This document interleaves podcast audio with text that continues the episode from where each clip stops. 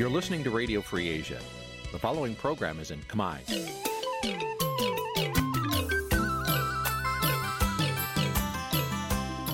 នេះជាកម្មវិធីផ្សាយ Vuthu Azizi Serai នេះជាកម្មវិធីផ្សាយរបស់ Vuthu Azizi Serai ជាភាសាខ្មែរ Vuthu Azizi Serai សូមស្វាគមន៍លោកអ្នកនាងទាំងអស់ពីរដ្ឋធានី Washington នៃសហរដ្ឋអាមេរិក ចាប់ពីរដ្ឋធានី Washington នាងខ្ញុំម៉ៅសុធានីសូមជម្រាបសួរលោកអ្នកស្ដាប់ទាំងអស់ជាទីមេត្រីចាយើងខ្ញុំសូមជូនការផ្សាយសម្រាប់ព្រឹកថ្ងៃអាទិត្យ13រោចខែអាសត់ឆ្នាំខាលចត្វាស័កពុទ្ធសករាជ2566ហើយដល់ត្រូវនឹងថ្ងៃទី23ខែតុលា គ្រិស្តសករាជ2022ជាដំបូងនេះសូមអញ្ជើញលោកអ្នកនាងកញ្ញាស្ដាប់ព័ត៌មានប្រចាំថ្ងៃដែលមានមេត្តាដូចតទៅ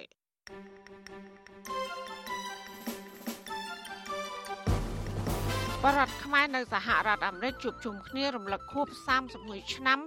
នៃកិច្ចព្រមព្រៀងសន្តិភាពក្រុងប៉ារីសអង្គការសិទ្ធិមនុស្សនិងគណៈបកសង្គ្រោះជាតិថាលោកហ៊ុនសែនមិនទាន់អនុវត្តកិច្ចព្រមព្រៀងទីក្រុងប៉ារីសឲ្យបានពេញលេញ សកម្មជននយោបាយនិងក្រុមពលករផ្សព្វផ្សាយឲ្យពលករនៅប្រទេសថៃនាំគ្នាទៅចុះឈ្មោះបោះឆ្នោត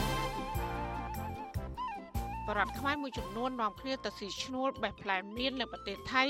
ដើម្បីរកប្រាក់ដល់ស្រែជីវភាពគ្រួសាររួមនឹងព័ត៌មានសំខាន់សំខាន់មួយចំនួនទៀតជាបន្តទៅទៀតនេះនាងខ្ញុំម៉ៅសុធានីសូមជូនព័ត៌មានទាំងនោះពឺស្ដាប់ ចាលោកនានីជាទីមេត្រីបរដ្ឋខ្មែរអាមេរិកាំងនិងសង្គមស៊ីវិលជាតិអន្តរជាតិនៅតែរំពឹងទៅលើកិច្ចព្រមព្រៀងសន្តិភាពក្រុងប៉ារីស23ដុល្លារឆ្នាំ1991ថាអាចនាំឲ្យកម្ពុជាផ្សះផ្សាការបែកបាក់ជាតិនិងអាចឈានទៅស្ដារលទ្ធិប្រជាធិបតេយ្យនិងសិទ្ធិមនុស្សឲ្យរស់ឡើងវិញបាន ពួកគេមើលឃើញថាការដែលរដ្ឋាភិបាលលោកហ៊ុនសែនប្រកាសថាសប្តាហ៍នេះកម្ពុជាកំពុងមានសន្តិភាពពេញលេញនោះគឺជាសន្តិភាពคล้ายៗជាការបន្លំភ្នែកអន្តរជាតិតែប៉ុណ្ណោះ ការលើកឡើងនេះធ្វើឡើងនៅក្នុងកិច្ចពិភាក្សាធំមួយនៅក្រុង Lowell រដ្ឋ Massachusetts សហរដ្ឋអាមេរិកស្ដីពីតម្លៃនៃកិច្ចព្រមព្រៀងសន្តិភាពទីក្រុងប៉ារីសដែលធ្វើឡើងមុនមួយថ្ងៃនៃការរំលឹកខួប31ឆ្នាំនៃកិច្ចព្រមព្រៀងសន្តិភាពទីក្រុងប៉ារីស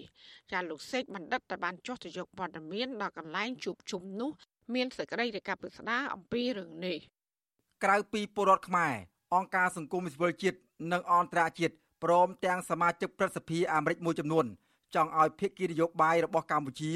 វិលទៅរកគោលការណ៍ដើមក្នុងការស្វែងរកសន្តិភាពដោយកាលពីឆ្នាំ1991ដែលជាអំឡុងពេលបង្កើតឡើងនៅកិច្ចព្រមព្រៀងសន្តិភាពទីក្រុងប៉ារីស23ដុល្លារ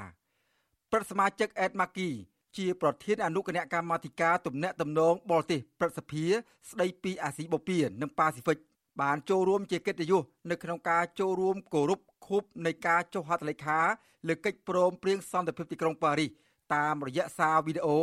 ដែលសហគមន៍ខ្មែរបានបង្កើតជាក្រុមពិភាក្សាធំមួយនៅក្នុងសាកលវិទ្យាល័យ Lowell រដ្ឋ Massachusetts សហរដ្ឋអាមេរិកកាលពីថ្ងៃទី22ខែតុលាគឺនៅមុនពេលមួយថ្ងៃ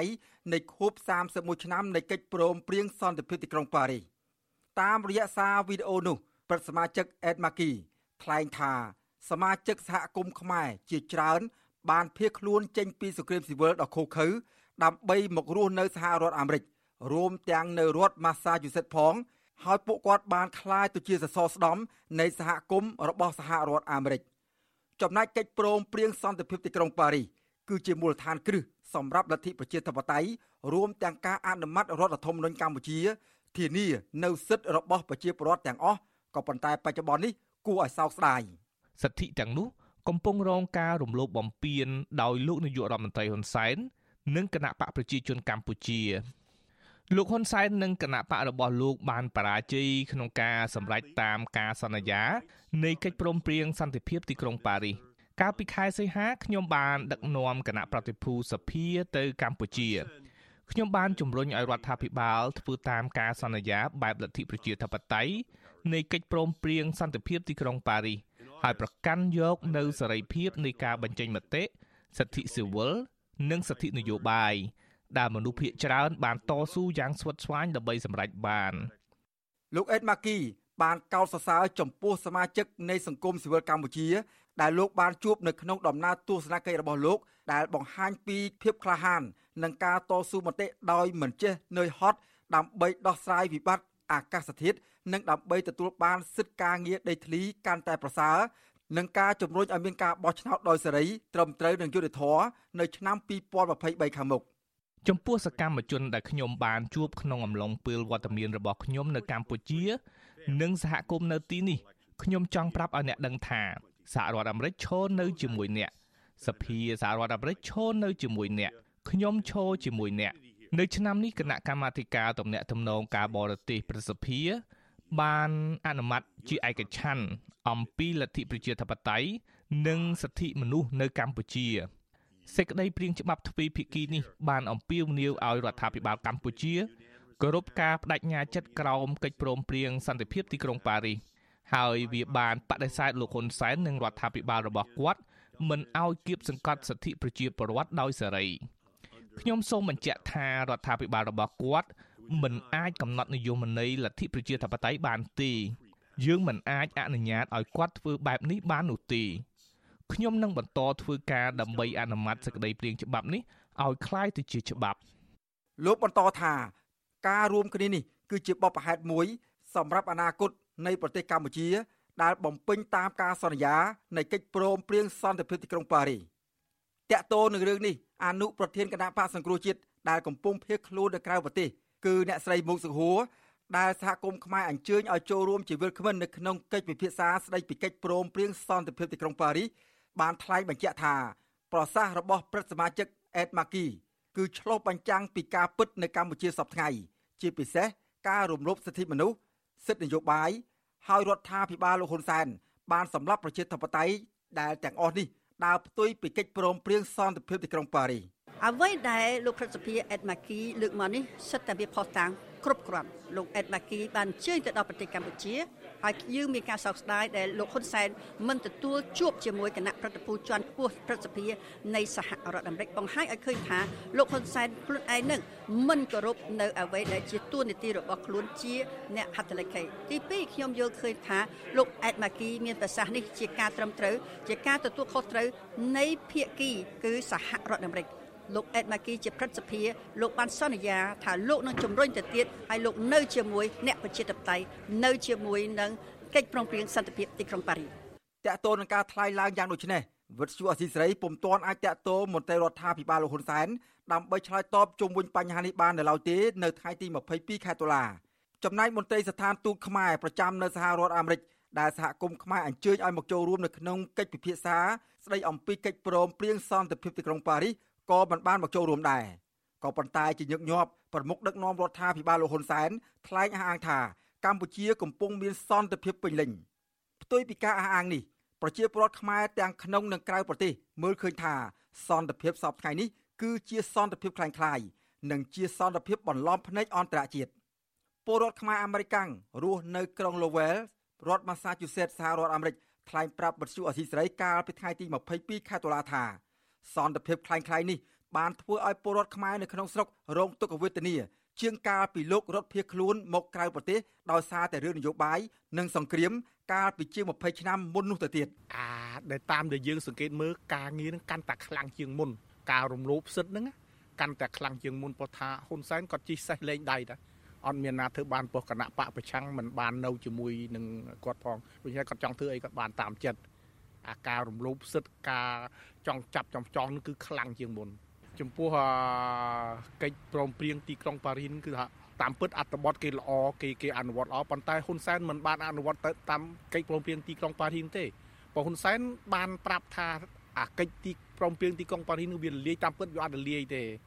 ហ៊ុនសែនបានជាគាត់និយាយថាទីកិច្ចព្រមព្រៀងទីក្រុងប៉ារីសលាយមកពីគាត់ខ្លាចច្បាប់នឹង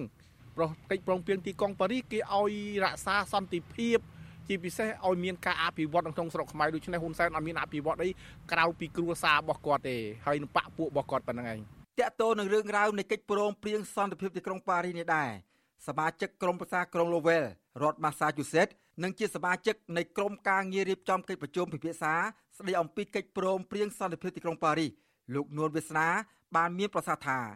កិច្ចពិភាក្សានេះទទួលបាននូវព័ត៌មាន និងមតិវិជ្ជមានជាច្រើន ដែលពួកគេចង់ឲ្យគ្រប់ភាគីនៃបកនយោបាយងាកទៅរកកិច្ចចរចាដើម្បីរកសន្តិភាពសម្រាប់កម្ពុជាឡើងវិញដោយផ្អែកលើកិច្ចព្រមព្រៀងសន្តិភាពទីក្រុងប៉ារីសពីព្រោះយើងឮសម្លេងការទៀមទា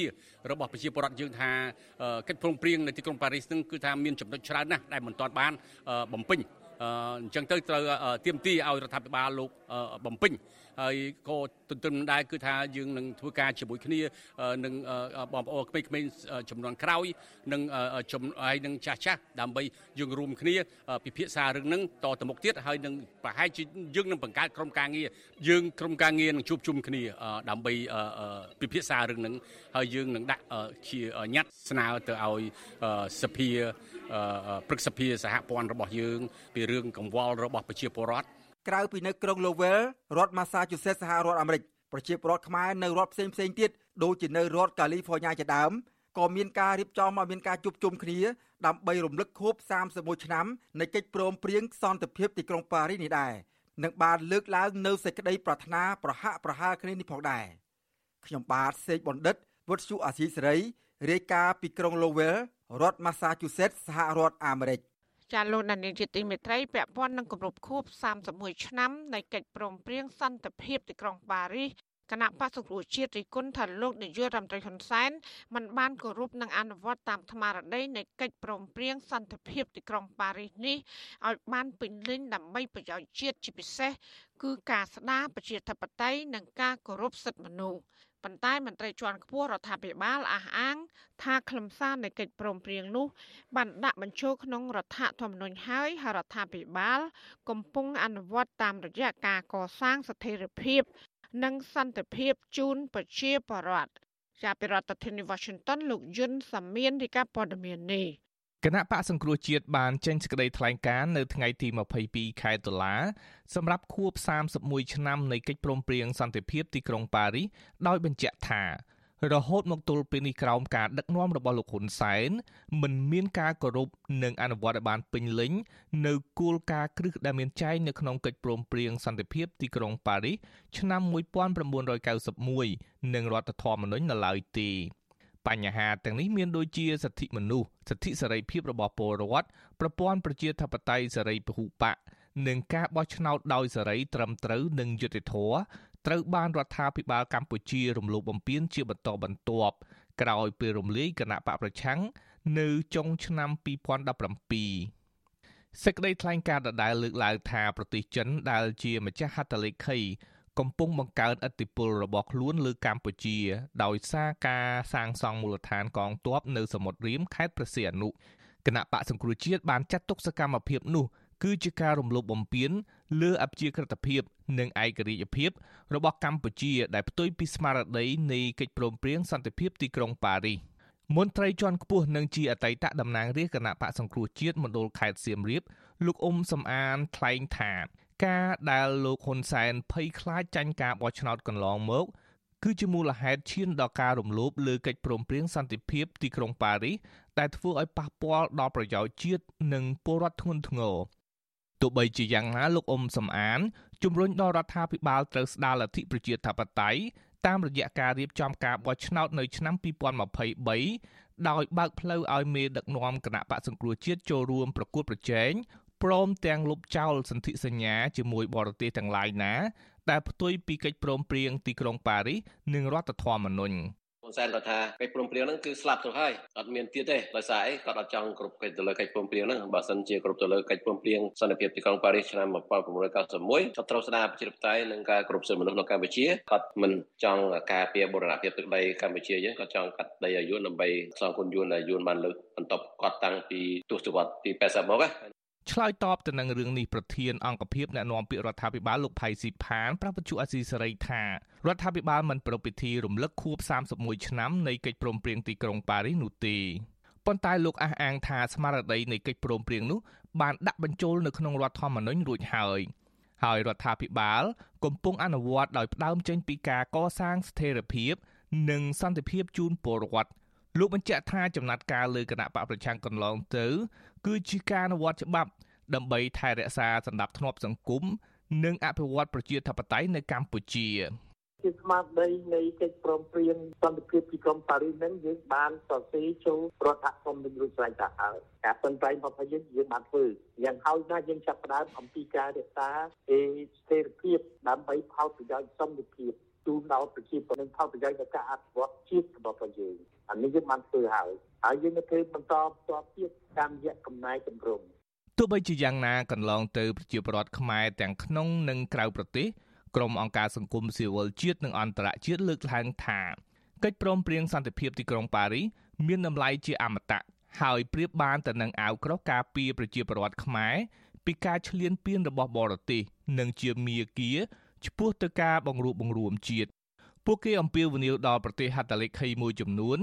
ឲ្យទាមទារឲ្យរដ្ឋាភិបាលលោកហ៊ុនសែនគោរពកិច្ចព្រមព្រៀងសន្តិភាពទីក្រុងប៉ារីសឲ្យបានពេញលេញដើម្បីបង្រួបបង្រួមជាតិនិងជាប្រយោជន៍ដល់ប្រទេសជាតិទាំងមូល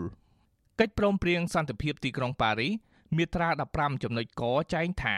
កម្ពុជាត្រូវធានាការគោរពសិទ្ធិមនុស្សនិងសេរីភាពជាមូលដ្ឋានរបស់ប្រជាពលរដ្ឋ រួមទាំងការគ្រប់គ្រងពលរដ្ឋកម្ពុជាធ្វើសកម្មភាពការពារសិទ្ធិមនុស្សនិងសេរីភាពជាមូលដ្ឋាន ដើម្បីធានាថានយោបាយនិងអំពើប្រព្រឹត្តនៅក្នុងអតីតកាលមិនត្រូវបានអនុញ្ញាតឲ្យវិលត្រឡប់មកវិញជាដាច់ខាតរីឯឯកសារទី2ស្ដីពីបរណភាពទឹកដី និងអធិបតេយ្យភាពជាតិត្រង់មាត្រា1ចំណុចខចែងថាសន្ធិសញ្ញាទាំងឡាយដែលប៉ះពាល់ដល់បរណភាពទឹកដីកម្ពុជា ត្រូវលុបចោល ឬអស់សុពលភាពនាពេលនោះប្រធានសមាគមការពារសិទ្ធិមនុស្សអាត6លោកនីសុខាមានប្រសាសន៍ថាកិច្ចព្រមព្រៀងទីក្រុងប៉ារីសនៅតែសំខាន់សម្រាប់កម្ពុជា ក្នុងការយកមកដោះស្រាយវិបត្តិនយោបាយដោយមិនអាចបំភ្លេចបានឡើយលោកបន្តថាបុព្វហេតុដើមនៃការកសាងស្មារតីនេះឡើង គឺដើម្បីបញ្ចប់សង្គ្រាមនៅក្នុងប្រទេសហើយខ្មែរគ្រប់និន្នាការទាំងអស់ងាកមកផ្សះផ្សាជាតិបង្រួបបង្រួមជាតិ ដោយការប្រកួតប្រជែងគ្នាតាមរយៈការបោះឆ្នោតដោយសេរីត្រឹមត្រូវនិងយុត្តិធម៌ទោះបីជាយ៉ាងណាលោកមើលឃើញថា31ឆ្នាំកន្លងមកនេះដំណើរកសាងលទ្ធិប្រជាធិបតេយ្យនៅកម្ពុជាបានធ្លាក់ចុះជាពិសេសរយៈពេលចុងក្រោយនេះដោយអ្នកនយោបាយគណៈបកប្រឆាំងមួយចំនួនត្រូវបានគេផាត់ចេញពីការបោះឆ្នោតលោកនីសុខាអំពាវនាវដល់រដ្ឋាភិបាលកម្ពុជាត្រូវរៀបចំដំណើរការបោះឆ្នោតឆ្នាំ2023ខាងមុខនេះ ត្រូវគោរពតាមកិច្ចព្រមព្រៀងសន្តិភាពទីក្រុងប៉ារីសដើម្បីបញ្ជៀសការរំលោភសិទ្ធិមនុស្សតទៅទៀត បច្ចុប្បន្ននេះវិញសូម្បីតែភាគីខ្មែរយើងមួយចំនួនដែលយើងថាជាអ្នកដែលមាននិន្នាការមិនស្របឬក៏ប្រឆាំងនឹងរដ្ឋាភិបាលហ្នឹងគឺថាក្រមគណៈបកមួយចំនួនដែលត្រូវបានរំលាយអតីតគណៈបកសង្គ្រោះជាតិហ្នឹងគឺថាមិនត្រូវបានអនុញ្ញាតឲ្យចូលរួមនៅក្នុងដំណើរការបោះឆ្នោតទេអ្នកខ្លះមានការជាប់ទោសជាប់ទណ្ឌអីជាដើមបាទនេះដែលយើងមើលឃើញថាយើងមិនទាន់បានអនុវត្តឲ្យបានត្រឹមត្រូវនៅក្នុងស្មារតីបង្រួបបង្រួមជាតិផ្សះផ្សាជាតិដើម្បីងាកទៅធ្វើការបោះឆ្នោតដោយត្រឹមត្រូវនៅពេលខាងមុខហ្នឹងទេបាទ ស្រដៀងនឹងលោកនីសខាដែរគណៈបកសង្គ្រោះជាតិក៏បានអំពាវនាវដល់ភាគីពាក់ព័ន្ធជាពិសេសម្ចាស់ហត្ថលេខីនៃកិច្ចព្រមព្រៀងដែលមានភារកិច្ចធានា ចំពោះការអនុវត្តកិច្ចព្រមព្រៀងទីក្រុងប៉ារីសឲ្យបានពេញលេញត្រូវជំរុញឲ្យមានការបដិញ្ញាចិត្តរបស់សហគមន៍អន្តរជាតិដើម្បីស្ដារសិទ្ធិមនុស្សនិងលទ្ធិប្រជាធិបតេយ្យរួមទាំងការរៀបចំការបោះឆ្នោតឆ្នាំ2023ខាងមុខឲ្យស្របតាមស្មារតីកិច្ចព្រមព្រៀងសន្តិភាពទីក្រុងប៉ារីសខ្ញុំយុនសាមៀន វិទ្យុអាស៊ីសេរីប្រធានាធិបតី Washington ចាលោកនាងកញ្ញាកំពុងស្ដាប់ការផ្សាយរបស់វិទ្យុអាស៊ីសេរីផ្សាយចេញពីរដ្ឋធានី Washington អ្នកវិភាគនយោបាយនិងអ្នកជំនាញសិទ្ធិមនុស្សមើលឃើញថាលោកនាយករដ្ឋមន្ត្រីហ៊ុនសែនគឺជាអ្នកទទួលខុសត្រូវទាំងស្រុងចំពោះការដែលមិនអនុវត្តកិច្ចព្រមព្រៀងសន្តិភាពទីក្រុងប៉ារីសជាពិសេសគឺគោលការណ៍ប្រជាធិបតេយ្យសិទ្ធិមនុស្សនិងអធិបតេយ្យភាព តែទោះយ៉ាងណាពួកគេថាដើម្បីឲ្យលោកហ៊ុនសែនងាកចេញពីរបៀបដឹកនាំតាមបែបផ្ដាច់ការនេះ គឺចាំបាច់ត្រូវតែប្រតិកម្មចូលរួមទាមទារឲ្យមានការផ្លាស់ប្ដូរចាលោកនាងនឹងបានស្ដាប់សេចក្តីរាយការណ៍ពុស្ដាពីរឿងនេះនាពេលបន្តិចទៀតនេះ thank you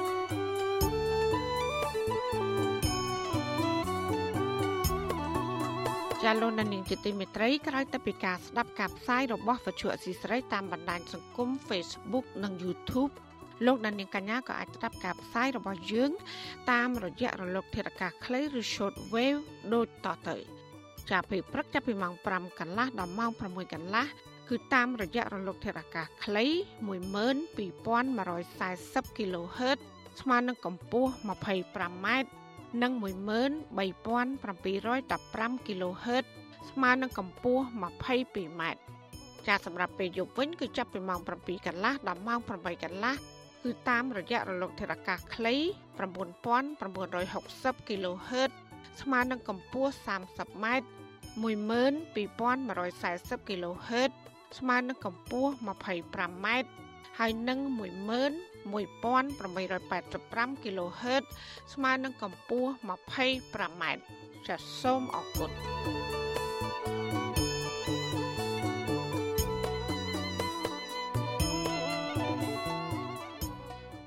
ចាលោកនានីជាទីមេត្រីអង្គការសង្គមស៊ីវិលជាង20ស្ថាប័នក្រុងប្រពៃទិវាកិច្ចព្រមព្រៀងសន្តិភាពទីក្រុងប៉ារីសនៅទីលានប្រជាធិបតេយ្យក្នុងក្រុងភ្នំពេញ នៅថ្ងៃទី23ខែតុលានេះ មន្ត្រីអង្គការសង្គមស៊ីវិលថាគោលបំណងក្នុងការប្រពៃទិវានេះគឺដើម្បីផ្សព្វផ្សាយខ្លឹមសារនៃកិច្ចព្រមព្រៀងដែលនាំឲ្យបញ្ចប់ចំនួននយោបាយនៅកម្ពុជា និងលើកកម្ពស់ប្រជាធិបតេយ្យនិងសិទ្ធិមនុស្សចាលោកទីនសាការីយ៉ារីកាព័ត៌មាននេះអង្គការសម្ព័ន្ធភាពការពារសិទ្ធិមនុស្សកម្ពុជាហៅកាត់ថាច្រាក់អង្គការកម្មវិធីអភិវឌ្ឍធនធានយុវជនហៅកាត់ថា YRDP សមាគមបណ្ដាញយុវជនកម្ពុជា CYN និងសមាគមសម្ព័ន្ធនិស្សិតបញ្ញវន្តខ្មែរហៅកាត់ថា KSILA រួមជាមួយអង្គការនិងស្ថាប័នផ្សេងផ្សេងទៀតនឹងរួមគ្នាប្រារព្ធទិវាកិច្ចព្រមព្រៀងសន្តិភាពទីក្រុងប៉ារីសថ្ងៃទី23ដុល្លារឆ្នាំ1991នៅទីលានប្រជាធិបតេយ្យនាថ្ងៃទី23ដុល្លារដោយរំពឹងថានឹងមានអ្នកចូលរួមជាង1300នាក់ទីប្រឹក្សាជាន់ខ្ពស់អង្គការសម្ព័ន្ធភាពការពារសិទ្ធិមនុស្សកម្ពុជាហកថាច្រាក់លោកណៃវងដាប្រាប់វិទ្យុអសិរ័យនៅថ្ងៃទី23ដុល្លារថា គោលបំណងក្នុងការប្រារព្ធទិវានេះគឺដើម្បីផ្សព្វផ្សាយពីខ្លឹមសារកិច្ចព្រមព្រៀងសន្តិភាពទីក្រុងប៉ារីសដែលនាំឲ្យបញ្ចប់ចំនួននយោបាយនៅកម្ពុជានិងបង្ហាញពីចំណុចខ្វះខាតរបស់រដ្ឋាភិបាលក្នុងការលើកកម្ពស់សិទ្ធិមនុស្សនិងលំហប្រជាធិបតេយ្យលោកបានថែមថាដើម្បីបញ្ជ្រាបការយល់ដឹងអំពីអត្ថន័យនៃការបញ្ចប់ចំនួននយោបាយនៅកម្ពុជាអង្គការច្រាក់បានបោះពុំកិច្ចព្រមព្រៀងសន្តិភាពទីក្រុងប៉ារីសដោយសង្ខេបនិងស្រួលយល់ជាង2000ច្បាប់ សម្រាប់ចែកចាយជូនអ្នកចូលរួមជាមួយគ្នានេះលោកណៃវងដាជំរុញឲ្យប្រជាពលរដ្ឋត្រូវអាននិងស្វែងយល់ពីខ្លឹមសារកិច្ចព្រមព្រៀងសន្តិភាពទីក្រុងប៉ារីសនេះឲ្យបានទាំងអស់គ្នា ដើម្បីស្គាល់ពីប្រវត្តិសាស្ត្រប្រទេសរបស់ខ្លួន និងការពារបូរណភាពទឹកដីក៏ដូចជាចូលរួមលើកកម្ពស់ការពារសិទ្ធិមនុស្សដែរ ប្រទេសជាមិត្តផ្សេងផ្សេងដែលចូលរួមជាហត្ថលេខីនៃកិច្ចព្រមព្រៀងហ្នឹងគួរមានការរៀបចំប្រជុំមួយដើម្បីធ្វើការតម្លៃឲ្យបានច្បាស់លាស់ថាតើកិច្ចព្រមព្រៀងនេះពិតជាបានផ្ដល់អត្ថប្រយោជន៍ដល់ប្រជាពលរដ្ឋខ្មែរពិតប្រាកដពេញលេញហើយឬនៅហើយបើខ្វះខាតតើភាគីពាក់ព័ន្ធទាំងអស់គួរតែធ្វើយ៉ាងម៉េចកិច្ចព្រមព្រៀងសន្តិភាពនៅក្នុងប៉ារីសគឺជាកិច្ចព្រមព្រៀងបញ្ចប់ចំនួននយោបាយភាគីខ្មែរ4ក្រុមកាលពីថ្ងៃទី23ដុល្លារឆ្នាំ1991 ដោយមានតំណាងមកពីប្រទេសចំនួន19បានចុះហត្ថលេខាទទួលស្គាល់ដើម្បីបញ្ចប់សង្គ្រាមនៅកម្ពុជាជុំវិញនឹងរឿងនេះនិវិភាននយោបាយចាស់វសាបដិទ្ធឡាវមង្ហាយល់ឃើញថាកិច្ចព្រមព្រៀងសន្តិភាពទីក្រុងប៉ារីសដែលមានប្រទេសចំនួន19ចូលរួមចុះហត្ថលេខារួមទាំងកម្ពុជាផងនោះមានសារៈសំខាន់សម្រាប់កសាងប្រទេសកម្ពុជាឡើងវិញដែលយករបបលទ្ធិប្រជាធិបតេយ្យសេរីពហុបកមកគ្រប់គ្រងប្រទេស បណ្ឌិតឡាវបង្ហាញបន្ថែមថាផ្អែកតាមមាត្រា5នៃកិច្ចព្រមព្រៀងនេះក្នុងករណីមើលឃើញថារដ្ឋាភិបាលមិនបានបំពេញតាមការបដិញ្ញាចិត្តក្នុងការលើកកម្ពស់របបប្រជាធិបតេយ្យហើយមានការរំលោភសិទ្ធិមនុស្សធ្ងន់ធ្ងរនោះឬប្រទេសកម្ពុជាបាត់បង់អធិបតេយ្យភាពគ្រប់មជ្ឈដ្ឋានខ្មែរអង្គការសង្គមស៊ីវិលនិងគណៈបកនយោបាយផ្សេងៗមានសិទ្ធិក្នុងការស្នើឲ្យអគ្គលេខាធិការអង្គការសហប្រជាជាតិដោះស្រាយបញ្ចប់ការរំលោភបំពានដោយមានភ្ជាប់ជាមួយភ័ស្តុតាងជាក់លាក់ ជាមួយគ្នានេះបណ្ឌិតឡាវមង្ហៃក៏ជំរុញឲ្យគ្រប់ភាគីពាក់ព័ន្ធត្រូវប្រើប្រាស់កិច្ចព្រមព្រៀងសន្តិភាពទីក្រុងប៉ារីសនេះដោះស្រាយមន្ទិលសង្ស័យរបស់ប្រទេសនានាជុំវិញនឹងការសាងសង់មូលដ្ឋានទ័ពចិននៅរៀមដែលអាចរំលោភបំពានដល់អភិជាក្រិតកម្ពុជាដែរ។ឧបសម្ព័ន្ធទី5នៃកិច្ចព្រមព្រៀងសន្តិភាពទីក្រុងប៉ារីសស្ដីពីកិច្ចព្រមព្រៀងតាក់ទងទៅនឹងអធិបតេយ្យភាពអាយក្រិចបរណភាពទឹកដីនិងភាពមិនអាចរំលោភបាននៃដែនអព្យាក្រឹតភាពនិងឯកភាពជាតិកម្ពុជា មាត្រា5ចែងថាក្នុងករណីមានការរំលោភឬការគំរាមកំហែងរំលោភលើអធិបតេយ្យភាពអាយក្រិចបរណភាពទឹកដីនិងការមិនអាចរំលោភបាននៃដែនដីអព្យាក្រឹតភាពឬឯកភាពជាតិនៃកម្ពុជាឬការបដិញ្ញាបដិវត្តដតីទៀតណាមួយក្នុងកិច្ចព្រមព្រៀងនេះបណ្ដាភាគីខ្មែរក្នុងកិច្ចព្រមព្រៀងទាំងនេះត្រូវពិគ្រោះយោបល់ជាបន្ទាន់ដើម្បីអនុម័តរាល់វិធានការសមស្រប និងធានាការគោរពដល់ការបដិញ្ញាចិត្តទាំងនេះ និងដោះស្រាយរាល់ការរំលោភបំពានទាំងនោះតាមមធ្យោបាយសន្តិវិធីឆ្លើយតបនឹងការលើកឡើងនេះអ្នកនាំពាក្យគណៈបកប្រជាជនកម្ពុជាលោកសុកអេសានអះអាងថាការលើកឡើងថារដ្ឋាភិបាលកម្ពុជាបានធ្វើឲ្យលំហប្រជាធិបតេយ្យនិងសិទ្ធិមនុស្សដល់ថយក្រោយនោះគឺជាការចោទប្រកាន់រដ្ឋាភិបាលដោយគ្មានហេតុផលសមាជិកនៃហត្ថលេខីកិច្ចព្រមព្រៀងនេះពិគ្រោះយោបល់គ្នានៅពេលណាដែលមានការរំលោភបំពានបំពៀនយ៉ាងធ្ងន់ធ្ងរទៅលើអធិបតេយ្យភាពឯករាជ្យភាពនិងបូរណភាពដែនដីនិងភាពមិនអាចរំលោភបាននៃកម្ពុជាបានពេលហ្នឹងបានមានសមាជិកហត្ថលេខីនៃកិច្ចព្រមព្រៀងនេះគឺថាពិគ្រោះយោបល់គ្នាហើយរាយការណ៍ទៅសហប្រធាន មានបារាំងនិងឥណ្ឌូនេស៊ីនេះដើម្បីក៏ប្រជុំទៅក្រមប្រសាសន្តិសុខអង្គការសហប្រជាជាតិពិភាក្សារឿងដែលគេរំលោភហ្នឹងឥឡូវរហូតតាំងពីកិច្ចព្រមព្រៀងចុះហត្ថលេខា31ឆ្នាំហើយសួរថាមាននរណារំលោភបាទវាអត់មានរំលោភទោះបីជាបែបនេះក្តីរបាយការណ៍របស់អង្គការសិទ្ធិមនុស្សជាតិអន្តរជាតិបានចេញផ្សាយជាហោហែថាកម្ពុជាក្រោមការដឹកនាំរបស់លោកហ៊ុនសែនគឺដើរផ្ទុយពីកិច្ចព្រមព្រៀងសន្តិភាពទីក្រុងប៉ារីសក្រោមការដឹកនាំរបស់លោកហ៊ុនសែនជិត40ឆ្នាំមកនេះមានអំពើរំលោភសិទ្ធិមនុស្សធ្ងន់ធ្ងរការបង្ក្រាបការវាយដំក្រុមបាតកោរដ្ឋបတ်សិទ្ធិសេរីភាពបរដ្ឋមិនឲ្យបញ្ចេញមតិនៅទីសាធារណៈមានអំពើកាប់សម្លាប់មនុស្ស និងធ្វើឲ្យមេដឹកនាំខ្មែរបែកបាក់គ្មានការបង្រួបបង្រួមជាតិជាដើម។ក្រុមអង្គការសិទ្ធិមនុស្សជាតិអន្តរជាតិលើកឡើងថាកិច្ចព្រមព្រៀងសន្តិភាពទីក្រុងប៉ារីសមានតម្លៃជាអមតៈហើយមានតម្លៃប្រៀបបាននឹងអាវក្រោះការពារប្រជាជាតិខ្មែរពីការឈ្លានពានរបស់បរទេសនិងជាមេគាឆ្ពោះទៅការបង្រួបបង្រួមជាតិសហគមន៍ជាតិអន្តរជាតិនៅតែទាមទារឲ្យរបបលហ៊ុនសែនអនុវត្តតាមខ្លឹមសារនៃកិច្ចព្រមព្រៀងនេះដើម្បីជាប្រយោជន៍ដល់ប្រទេសជាតិទាំងមូល ខ្ញុំធីនសាការីយ៉ាអសិរ័យប្រធានីវ៉ាស៊ីនតោន thank you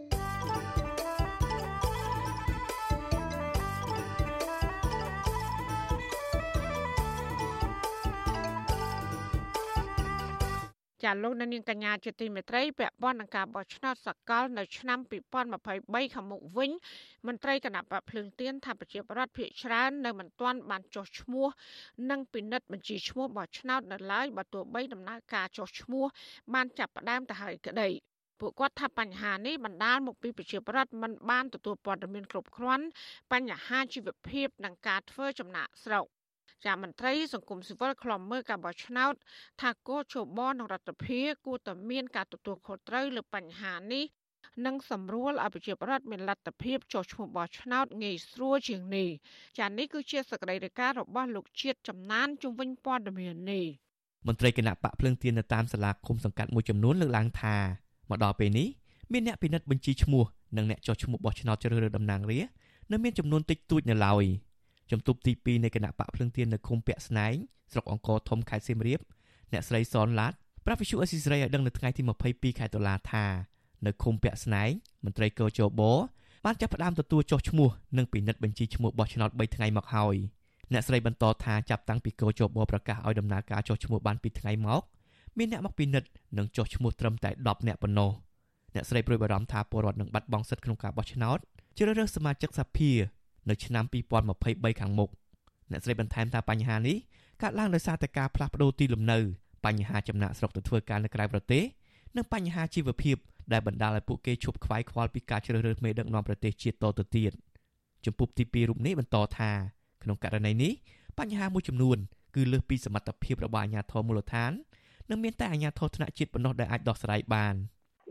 ន្លងមកប្រជាពលរដ្ឋខ្ញុំអត់ដេះសោមចាប់អារម្មណ៍ពីរឿងយើងទៅពិនិត្យឈ្មោះពីកាលវាចំណាក់ស្រុកទៅថៃទៅទីការនៅពេញទីការនៅអុយឆ្ងាយឆ្ងាយទៅក្រៅខេត្តទៅខ្ញុំដល់អុយអត់មាននឹកឃើញថាមកចុះឈ្មោះទៅអុយចេះណាស្រដៀងគ្នានេះដែរជំទប់ទី2នៃគណៈបកភ្លឹងទៀននៅឃុំព្រែកនរិនលោកសុកសុភ័ក្រឲ្យដឹងដែរថានៅថ្ងៃដំបូងនៃការចុះឈ្មោះបោះឆ្នោតមានប្រជាពលរដ្ឋចុះឈ្មោះតែជាង10នាក់ប៉ុណ្ណោះនិងមិនទាន់ឃើញមានអ្នកណាមកពិនិត្យបញ្ជីឈ្មោះនៅឡើយទេ លោកថាពលរដ្ឋដែលគ្រប់អាយុភាគច្រើនរងចាំឲ្យចុះឈ្មោះផ្ទាល់នៅក្នុងភូមិរបស់ពួកគេគណៈមួយចំនួនបានធ្វើចំណាក់ស្រុកនិងមិនទាន់មាននរណាម្នាក់មកចុះឈ្មោះនៅឡើយលោកបន្តថាការចុះឈ្មោះបោះឆ្នោតក្នុងអាណត្តិនេះបានជួបប្រទះនូវបញ្ហាមួយចំនួនដូចជាការមិនទាន់ទទួលបានព័ត៌មានគ្រប់គ្រាន់ខ្វះការជួយដំណឹងពីអាជ្ញាធរមូលដ្ឋានទៅកាន់ប្រជាពលរដ្ឋដែលរស់នៅតំបន់ដាច់ស្រយាលដូចជានៅតំបន់បឹងទន្លេសាបជាដើមលោកស្នើឲ្យកោជបនឹងរដ្ឋាភិបាលគួរមានដំណោះស្រាយសម្រាប់ប្រជាពលរដ្ឋ ពិសេសពលករចំណាក់ស្រុកដែលសម្រួលឲ្យពួកគេមានលទ្ធភាពនិងភាពងាយស្រួលក្នុងការចុះឈ្មោះបោះឆ្នោតសូមឲ្យគាត់មានចុះឈ្មោះបោះឆ្នោតហើយបោះឆ្នោតតាមស្ថានទូតឬចុះឈ្មោះតាមស្ថានទូតមកអានឹងខ្ញុំសំណុំពរអញ្ចឹងព្រោះរដ្ឋាភិបាលយើងនឹងវារឹងដៃរឹងជើងហើយយើងកុំនិយាយថាម៉ាត់ណាគួររួចពីសង្គ្រាមម៉ាត់ណាក៏ត្រឹមរួចពីសង្គ្រាមនឹងប្រទេសកំពុងអភិវឌ្ឍនឹងយើងកុំនិយាយអញ្ចឹងអីព្រោះយើងដើរឲ្យលឿនទៅមុខទេកុំកុំដើរជំហានគីងគក់ប្រជាពលរដ្ឋមួយចំនួន ជាពិសេសពលករចំណាក់ស្រុកខកខានក្នុងការចុះឈ្មោះបោះឆ្នោតស្ទើររាល់អាណត្តិដោយសារតែមានបញ្ហាឬគ្មានឈ្មោះក្នុងបញ្ជីបោះឆ្នោតតែម្ដងបញ្ហានេះកើតឡើងបណ្ដាលមកពីការខ្វះការជូនដំណឹងទទួលព័ត៌មានមិនច្បាស់ការខ្វះខាតឯកសារបញ្ហាចេញចូលច្រកព្រំដែននិងបញ្ហាជីវភាពដែលធ្វើឲ្យពួកគាត់មិនអាចមកស្រុកកំណើតចុះឈ្មោះនិងពិនិត្យបញ្ជីឈ្មោះឲ្យបានទាន់ពេលវេលាជុំវិញរឿងនេះវិសុអសិសរីមិនអាចតាក់ទងแนะនាំពាក្យគណៈកម្មាធិការជាតិរៀបចំការបោះឆ្នោតលោកហងពុធា អគ្គលេខាធិការរងនៃគណៈកម្មាធិការជាតិរៀបចំការបោះឆ្នោតលោកសោមសូរីដាដើម្បីសុំការបកស្រាយបាននោះទេនៅថ្ងៃទី22ខែតុលារបាយការណ៍របស់កោជបឲ្យដឹងដែរថាពលរដ្ឋដែលបានចុះឈ្មោះបោះឆ្នោតក្នុងរយៈពេល2ថ្ងៃទូទាំងប្រទេសមានចំនួនសរុបជាង30000នាក់លុបឈ្មោះចេញពីបញ្ជីបោះឆ្នោតមានចំនួនជាង5000នាក់និងកែតម្រូវទិន្នន័យចំនួនជាង900នាក់ទាក់ទិននឹងបញ្ហានេះអ្នកសម្របសម្រួលផ្នែកអង្គការនឹងតស៊ូមតិនៃអង្គការ Conference លោកកនសវាងលើកឡើងថា បញ្ហាលទ្ធភាពរបស់ពលករចំណាក់ស្រុកដើម្បីចូលរួមក្នុងការបោះឆ្នោតត្រូវបានអង្គការសង្គមស៊ីវិលលើកយកទៅពិភាក្សាជាមួយគណៈកម្មាធិការជាតិរៀបចំការបោះឆ្នោតច្រើនដងមកហើយតែស្ថាប័នមួយនេះនៅតែអះអាងថាមិនស្ថិតក្នុងដែនការងាររបស់ខ្លួនលោកបន្តថាបញ្ហាពលករចំណាក់ស្រុកជាការទទួលខុសត្រូវរបស់រដ្ឋសភាដែលតម្រូវឲ្យស្ថាប័នមួយនេះត្រូវមានការគិតគូររកដំណោះស្រាយនិងជួយសម្រួលដល់ការចោះឈ្មោះនិងចូលរួមបោះឆ្នោតរបស់ពលករចំណាក់ស្រុកតែទោះជាយ៉ាងណា លោកថាបញ្ហានេះអាចលើកយកទៅនិយាយក្នុងរដ្ឋសភាបានលុះត្រាតែមានការសហការពីកោជបក្នុងការជូនដំណឹងទៅកាន់ស្ថាប័នកម្ពុជាមួយនេះ។ អញ្ចឹងបញ្ហានេះគឺជាបន្ទុកដែលសភាជាអ្នកទទួលខុសត្រូវនៅក្នុងដំណើររឿងតាក់ទងជាមួយនឹងបញ្ហាដែលជាបរិបទมันអាចនឹងចុះឈ្មោះបាននៅក្រៅប្រទេសបាទហើយវាត្រូវនៅប៉ះពាល់តាក់ទងជាមួយស្ថាប័នមួយរដ្ឋាភិបាលទៀតណាដែលត្រូវធ្វើកិច្ចការនេះទាំងអស់ហ្នឹងបាទតែរឿងសំខាន់គឺថាស្ថាប័នពីរនេះគឺសភាជាតិហើយនិងខាងស្ថាប័នកោយបដែលជារឿងសំខាន់ក្នុងការដោះស្រាយហ្នឹងបាទការពិនិត្យបញ្ជីឈ្មោះនិងការចុះឈ្មោះបោះឆ្នោតនៅតាមឃុំសង្កាត់មានរយៈពេល50ថ្ងៃ ដោយចាប់ផ្ដើមពីថ្ងៃទី20ខែតុលារហូតដល់ថ្ងៃទី8ខែធ្នូឆ្នាំ2022ចំណែកការចែកលិខិតអញ្ជើញអ្នកមានឈ្មោះក្នុងបញ្ជីបោះឆ្នោតផ្លូវការឆ្នាំ2021ចាប់ផ្ដើមពីថ្ងៃទី20ខែកញ្ញារហូតដល់ថ្ងៃទី19ខែតុលាឆ្នាំ2022ដោយឡែកការពិនិត្យបញ្ជីឈ្មោះការចុះឈ្មោះបោះឆ្នោតនិងការផ្ដល់សុពលភាពលើបញ្ជីបោះឆ្នោតផ្លូវការឆ្នាំ2022ចាប់ផ្ដើមនៅថ្ងៃទី20ខែតុលាឆ្នាំ2022រហូតដល់ថ្ងៃទី21ខែកុម្ភៈឆ្នាំ2023 ទិន្នន័យរបស់គណៈកម្មាធិការជាតិរៀបចំការបោះឆ្នោតឲ្យដឹងថាចំនួនអ្នកដែលបានចុះឈ្មោះបោះឆ្នោតឃុំសង្កាត់ឆ្នាំ2022មានចំនួនសរុប9លាន2សែននាក់និងមានអ្នកចូលរួមបោះឆ្នោតសរុបប្រមាណ7លាន3សែននាក់ស្មើនឹងជាង80%ខ្ញុំបាទជាចំណាន Visual Assisray ពីរដ្ឋធានី Washington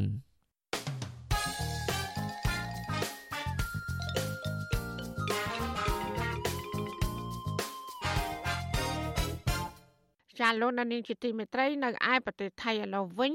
សកម្មជននយោបាយនិងក្រុមពលករបានចុះផ្សព្វផ្សាយនិងជំរុញទៅពលករខ្មែរធ្វើការងារនៅប្រទេសថៃ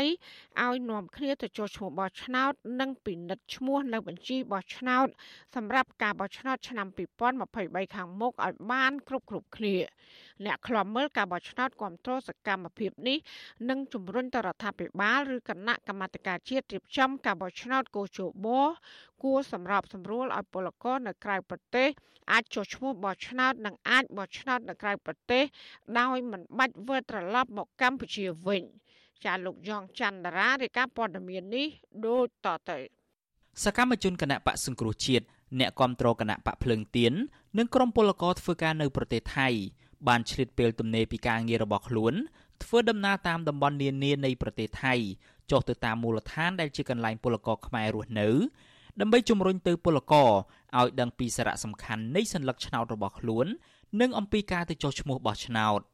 នៅលើរានហាលមុខបន្ទប់ពលករខ្មែរស្នាក់នៅក្នុងខេត្តរយងសកម្មជននយោបាយនិងក្រុមពលករកំពុងព្យាយាមពន្យល់ពីសារៈសំខាន់នៃតម្លៃសัญลักษณ์ឆ្នោតពួកគេថាដើម្បីអាចបោះឆ្នោតបានលុះត្រាតែពលករគ្រប់អាយុបោះឆ្នោតត្រូវទៅចុះឈ្មោះនៅក្នុងបញ្ជីបោះឆ្នោតជាមុនសិន ចុះឈ្មោះហើយណាបើមានឈ្មោះហើយយើងទៅមកដល់ថ្ងៃបោះឆ្នោតយើងចំណាយទៅបោះឆ្នោតជួបប្រពន្ធជួបកូនទៅមើលផ្ទះយើងផងតើយួរបានតំណាងពលករខ្មែរធ្វើការនៅប្រទេសថៃលោកទេពិសិដ្ឋលើកឡើងថាអ្វីដែលលោកប្រឹងប្រែងនៅពេលនេះគឺចង់ឲ្យពលករនៅប្រទេសថៃបានទៅចុះឈ្មោះបោះឆ្នោតទាំងអស់គ្នាលោកឲ្យដឹងទៀតថាតាមរយៈការចុះជួបពលករជាច្រើនសប្តាហ៍មកនេះមានពលករភៀសច្រើនបានសន្យាថា ពួកគេនឹងឆ្លៀតពេលធ្វើដំណើរទៅចុះឈ្មោះបោះឆ្នោតទោះជាយ៉ាងណាតំណាងពលកររូបនេះក៏ព្រួយបារម្ភផងដែរពីព្រោះមានពលករខ្លះទៀតស្ទាក់ស្ទើរចិត្តនៅក្នុងការធ្វើដំណើរទៅចុះឈ្មោះបោះឆ្នោតចង់ឲ្យប្រទេសយើងជឿនលឿនដូចជាប្រទេសគេមានការផ្លាស់ប្ដូរអ្វីដែលមិនល្អបាទឲ្យឡើងជាល្អឡើងវិញចឹងហើយបានយើងទាំងអស់គ្នាស៊ូដើរដើម្បីជាតិហើយដើម្បីបងប្អូនជាប្រវត្តិទាំងអស់កុំឲ្យយើងជួបការលំបាក ក្រមពលករនិងសកម្មជននយោបាយបានធ្វើសកម្មភាពចុះផ្សព្វផ្សាយជំរុញឲ្យពលករទៅចុះឈ្មោះបោះឆ្នោតចាប់តាំងពីមុនពេលគណៈកម្មាធិការជាតិរៀបចំការបោះឆ្នោតអនុញ្ញាតឲ្យប្រជាពលរដ្ឋទៅចុះឈ្មោះមកម្លេះហើយមកទល់ពេលនេះគឺជាពេលវេលាដែលពលករអាចទៅចុះឈ្មោះបោះឆ្នោតហើយក្តីក៏ក្រមសកម្មជន នៅតែបន្តសកម្មភាពផ្សព្វផ្សាយនេះដដែល ខ្ញុំនឹងទៅចុះឈ្មោះបោះឆ្នោតខ្ញុំនឹងទៅចុះឈ្មោះបោះឆ្នោតចូលអ្នកវិញចូលអ្នកវិញខ្ញុំក៏ទៅចុះឈ្មោះបោះឆ្នោតដែរខ្ញុំក៏ទៅចុះឈ្មោះបោះឆ្នោតមន្ត្រីជាន់ខ្ពស់គណៈបកសង្គ្រោះជាតិលោកដួងចន្ទ្រាដែលកំពុងភៀសខ្លួននៅប្រទេសថៃដែលចូលរួមយុទ្ធនាការនេះដែរសង្កេតឃើញថាពលករភៀសច្រើនមិនសូវបានដឹងព័ត៌មានអំពីការចុះឈ្មោះបោះឆ្នោតនោះទេលោកដួងចន្ទ្រាឲ្យដឹងទៀតថា ពលករមួយចំនួនហាក់នៅស្ទាក់ស្ទើរនៅក្នុងចិត្តក្នុងការធ្វើដំណើរទៅចុះឈ្មោះបោះឆ្នោតដែលបញ្ហានេះទាមទារឲ្យលោកនិងក្រុមការងារព្យាយាមពន្យល់ពលករឲ្យបានដឹងអំពីសារៈសំខាន់នៃតម្លៃសัญลักษณ์ឆ្នោត។ ការចំណាយរបស់គាត់ទៅពិនិត្យឈ្មោះនិងចុះឈ្មោះនេះគឺចំណាយច្រើនណាស់ដែលពេលខ្លះគាត់សឹងតែមិនអាចតែបានប៉ុន្តែទោះបីយ៉ាងណាក៏ដោយមកដល់ពេលនេះយើងក្នុងនាមជាក្រុមការងារជំរុញឲ្យគាត់ទៅចុះឈ្មោះបោះឆ្នោតនេះគឺយើងបានជម្រាបពីបញ្ហារបស់ជាតិយើងដែលបងប្អូនយើងបានដឹងស្រាប់ហើយថាយើងជាជនជាតិខ្មែរគឺជាម្ចាស់ នៃមាតុភូមិ5ឆ្នាំមួយដងក្នុងការសម្រេចជោគវាសនាសម្រេចនៅអនាគតប្រទេសជាតិយើងយើងត្រូវតែខិតខំធ្វើយ៉ាងណាលះបង់ដើម្បីចូលរួមទៅពិនិត្យឈ្មោះនិងចុះឈ្មោះឲ្យបានដើម្បីត្រៀមបោះឆ្នោតនៅឆ្នាំ2023ខាងមុខបាទទោះបីជាប្រទេសកម្ពុជារៀបចំការបោះឆ្នោតបានជាច្រើនអាណត្តិទៅហើយក្តីក៏ពលករធ្វើការនៅក្រៅប្រទេសនៅតែខកខានមិនបានទៅបោះឆ្នោតស្ទើររាល់អាណត្តិដោយសារតែខ្វះព័ត៌មាន និងមានបញ្ហាឈ្មោះនៅក្នុងបញ្ជីបោះឆ្នោត ទន្ទឹមគ្នានោះ ពលករធ្វើការងារនៅប្រទេសមួយចំនួនគ្មានឯកសារត្រឹមត្រូវប្រឈមនឹងការចំណាយប្រាក់ច្រើននៅក្នុងការធ្វើដំណើរទៅបោះឆ្នោតម្ដងម្ដងពលករនីម្នាក់លោកស្រីហែមសុភ័ណ្ឌថ្លែងថាកន្លែងការងារដែលលោកស្រីធ្វើការពិបាកសុំច្បាប់ឈប់សម្រាកហើយបូករួមទាំងលោកស្រីខ្វះខាតថវិកាផងនោះលោកស្រីទំនងជាមិនទៅចុះឈ្មោះបោះឆ្នោតទេតាកតងពីលុយកាក់អីហ្នឹងមិនលុយទៅអញ្ចឹងខ្ញុំខ្ញុំមិនដែល បោះឆ្នោតផងហេតុអីខ្ញុំរវល់ខ្ញុំតែធ្វើការស្រុកគេរហូតអញ្ចឹងខ្ញុំមិនបាននៅស្រុកភូមិហ្នឹងបានបោះឆ្នោតគេផងទោះជាយ៉ាងណា ពលករធ្វើការងារផ្នែកសំណង់លោកសួនមុលប្រាប់ថាលោកត្រៀមខ្លួនរួចហើយដើម្បីធ្វើដំណើរទៅស្រុកកំណើតដើម្បីចុះឈ្មោះបោះឆ្នោតលោកឲ្យដឹងទៀតថាទោះជាការធ្វើដំណើរនេះត្រូវចំណាយលុយច្រើនក្តីក៏លោកយល់ថាសញ្ញាឆ្នោតរបស់លោក រឹតតែមានតម្លៃជាងថ្លៃធ្វើដំណើរនេះថែមទៀត។ ឲ្យតាដល់ខែបោះឆ្នោតដែលខ្ញុំចោះទៅរាល់ឆ្នាំហើយជាថ្លៃឡានចោះទៅបើយើងនេះ1000ជាងអីចោះទៅមកវិញហើយបើយើងមានប៉ាសពតមានចេះអស់អស់តិចទេត្រឹម300អីឡើងមក400មិនសមរម្យសម្រាប់ការបោះឆ្នោតចោះទៅការឆ្លាញ់សារមើលទៅប្រទេសនៅខាងខ្មែរវាដោយសារតែការលំបាកទៅគណៈកម្មាធិការជាតិរៀបចំការបោះឆ្នោតបានអនុញ្ញាតឲ្យប្រជាពលរដ្ឋអាចពិនិត្យបញ្ជីឈ្មោះនិងចុះឈ្មោះបោះឆ្នោត ចាប់ពីថ្ងៃទី20ខែតុលារហូតដល់ថ្ងៃទី8ខែធ្នូខាងមុខគិតទាំងថ្ងៃសៅរ៍និងថ្ងៃអាទិត្យផងដែររយៈពេលដូចគ្នានេះដែរប្រជាពលរដ្ឋដែលបានចុះឈ្មោះបោះឆ្នោតអាចទៅពិនិត្យបញ្ជីឈ្មោះរបស់ខ្លួននៅតាមសាលាឃុំសង្កាត់ហើយប្រសិនបើពិនិត្យឃើញឈ្មោះនៅក្នុងបញ្ជីនោះខុសពីឈ្មោះនៅក្នុងអត្តសញ្ញាណប័ណ្ណប្រជាពលរដ្ឋអាចទៅសាលាឃុំឬទីតាំងចុះឈ្មោះបោះឆ្នោតនៅក្នុងមូលដ្ឋានរបស់ខ្លួនដើម្បីកែឈ្មោះឲ្យត្រឹមត្រូវឡើងវិញ។ តកតងទៅនឹងការចុះឈ្មោះបោះឆ្នោតរបស់ពលករនៅប្រទេសថៃនេះដែរវិទ្យុអាស៊ីសេរីបានព្យាយាមសុំការអធិប្បាយរឿងនេះពីអ្នកនាំពាក្យកោជបលោកហងពុធាជាច្រើនថ្ងៃរហូតដល់ថ្ងៃទី22ខែតុលាក៏ប៉ុន្តែมันអាចតកតងអ្នកនាំពាក្យរូបនេះបានទេទោះជាយ៉ាងណាអ្នកនាំពាក្យគណៈបកប្រជាជនកម្ពុជាលោកសុកអេសាននិយាយថាលោកស្វាគមន៍គ្រប់ភាគីដែលផ្សព្វផ្សាយឲ្យពលករនៅប្រទេសថៃមកចុះឈ្មោះបោះឆ្នោតនៅពេលនេះទោះ ជាបែបនេះក្តីលោកថាគណៈបកកណ្ដាលអំណាចមិនបានធ្វើយុទ្ធនាការណាមួយជំរុញឲ្យពលករនៅក្រៅប្រទេសទៅចុះឈ្មោះបោះឆ្នោតនោះទេយើងអបអបអសាទរស្វាគមន៍ចំពោះប្រជាពលរដ្ឋយើងគឺជាពិសេសពលករចំណាក់ស្រុកដែលមានស្រុកកំណើតនៅកម្ពុជាហើយទៅធ្វើការនៅក្រៅប្រទេសបើគាត់មានឱកាសនិងមានលទ្ធភាពទុនថវិកាត្រឡប់មកក្នុងប្រទេសដើម្បីចុះឆ្នោតឲ្យស្របទៅតាមខ្លឹមសារច្បាប់ស្តីពីការបោះឆ្នោតអានឹងយើងស្វាគមន៍ថា ជុំវិញរឿងនេះដែរអ្នកធ្វើការងារផ្នែកការពារសិទ្ធិពលករសង្កេតឃើញថារដ្ឋាភិបាលហាក់មិនបានយកចិត្តទុកដាក់រកដំណោះស្រាយឲ្យពលករនៅប្រទេសថៃអាចចុះឈ្មោះបោះឆ្នោតនៅប្រទេសនេះបាននោះទេមន្ត្រីគម្រោងនៃមជ្ឈមណ្ឌលសម្ព័ន្ធភាពការងារនិងសិទ្ធិមនុស្សហៅកាត់ថាអង្គការសង្ត្រាល់លោកលឹងសុផុនសង្កេតឃើញថាពលករភៀកច្រើនមានបំណងទៅចុះឈ្មោះបោះឆ្នោត ដោយកាលពីអាណត្តិមុនមុនមានពលករខ្លះប្រមូលលុយគ្នាជួលឡានជិះទៅព្រំដែនដើម្បីចុះឈ្មោះបោះឆ្នោតទៀតផងអ្នកការពារសិទ្ធិពលកររូបនេះយល់ថាគួរតែដល់ពេលដែលរដ្ឋាភិបាលរៀបចំយន្តការសម្របសម្រួលឲ្យពលករអាចចុះឈ្មោះឬក៏អាចបោះឆ្នោតនៅស្ថានទូតខ្មែរប្រចាំនៅប្រទេសថៃបាន។ គូដែលតែមានវិធានការជាក់លាក់ដែលមួយដើម្បីឲ្យរដ្ឋបានប្រើសិទ្ធិបានល្អអញ្ចឹងឲ្យបានបានប្រើសិទ្ធិគ្រប់គ្រប់គ្នាដូចជាវិធានការជាពិសេសគឺនៅថៃតែម្ដងឲ្យពួកគាត់ហ្នឹងបានចុះឈ្មោះឬក៏ឲ្យពួកគាត់ហ្នឹងបានទៅទទួលតាមដែរដែលអាចធ្វើទៅបានអញ្ចឹងណា កន្លងទៅមន្ត្រីសង្គមស៊ីវិលនិងគណៈបកប្រឆាំងបានតស៊ូមតិជាញឹកញាប់ស្នើទៅរដ្ឋាភិបាលឲ្យរៀបចំយន្តការយ៉ាងណាអាចឲ្យពលករខ្មែរនៅក្រៅប្រទេសចុះឈ្មោះនិងបោះឆ្នោតនៅប្រទេសដែលពួកគេកំពុងធ្វើការបានដោយមិនចាំបាច់ត្រូវធ្វើដំណើរទៅប្រទេសកម្ពុជានោះទេក៏ប៉ុន្តែរដ្ឋាភិបាលតែងតែបដិសេធដោយអះអាងថាគ្មានច្បាប់ចែងគណៈកម្មាធិការជាតិរៀបចំការបោះឆ្នោតឲ្យដឹងថា លទ្ធផលបណ្ដោះអាសន្នថ្ងៃទី2គិតពីថ្ងៃទី20ដល់ថ្ងៃទី21ខែតុលាមានពលរដ្ឋជាង15000នាក់បានទៅចុះឈ្មោះអង្គការសង្ត្រាល់រកឃើញថាការបោះឆ្នោតឃុំសង្កាត់កាលពីថ្ងៃទី5ខែមិថុនាកន្លងទៅនេះពលករជាង2លាន5សែននាក់ដែលធ្វើការងារនៅប្រទេសថៃម៉ាឡេស៊ីជប៉ុននិងកូរ៉េខាងត្បូងមិនបានចូលរួមបោះឆ្នោតនោះទេ ដោយសារតែបញ្ហាថវិកានិងមិនអាចដាក់ច្បាប់សុំឈប់សម្រាកនៅកន្លែងការងារ ខ្ញុំយ៉ងច័ន្ទដារាវិទ្យុអាស៊ីសេរីរាយការណ៍ពីរដ្ឋធានី Washington ចាលោកនាងជាទីមេត្រីវិទ្យុអាស៊ីសេរីសូមជូនដំណឹងថាយើងគ្មានអ្នកយកព័ត៌មានប្រចាំទៅប្រទេសកម្ពុជានោះឡើយបើសិនជាមានជនណាម្នាក់អះអាងថាជាអ្នកយកព័ត៌មានឲ្យវិទ្យុអាស៊ីសេរីនៅកម្ពុជានោះគឺជាការក្លែងបន្លំយកឈ្មោះរបស់វិទ្យុអស៊ីសេរី ក្នុងគោលបំណងទុច្ចរិតរបស់បុគ្គលនោះចាសសូមអរគុណ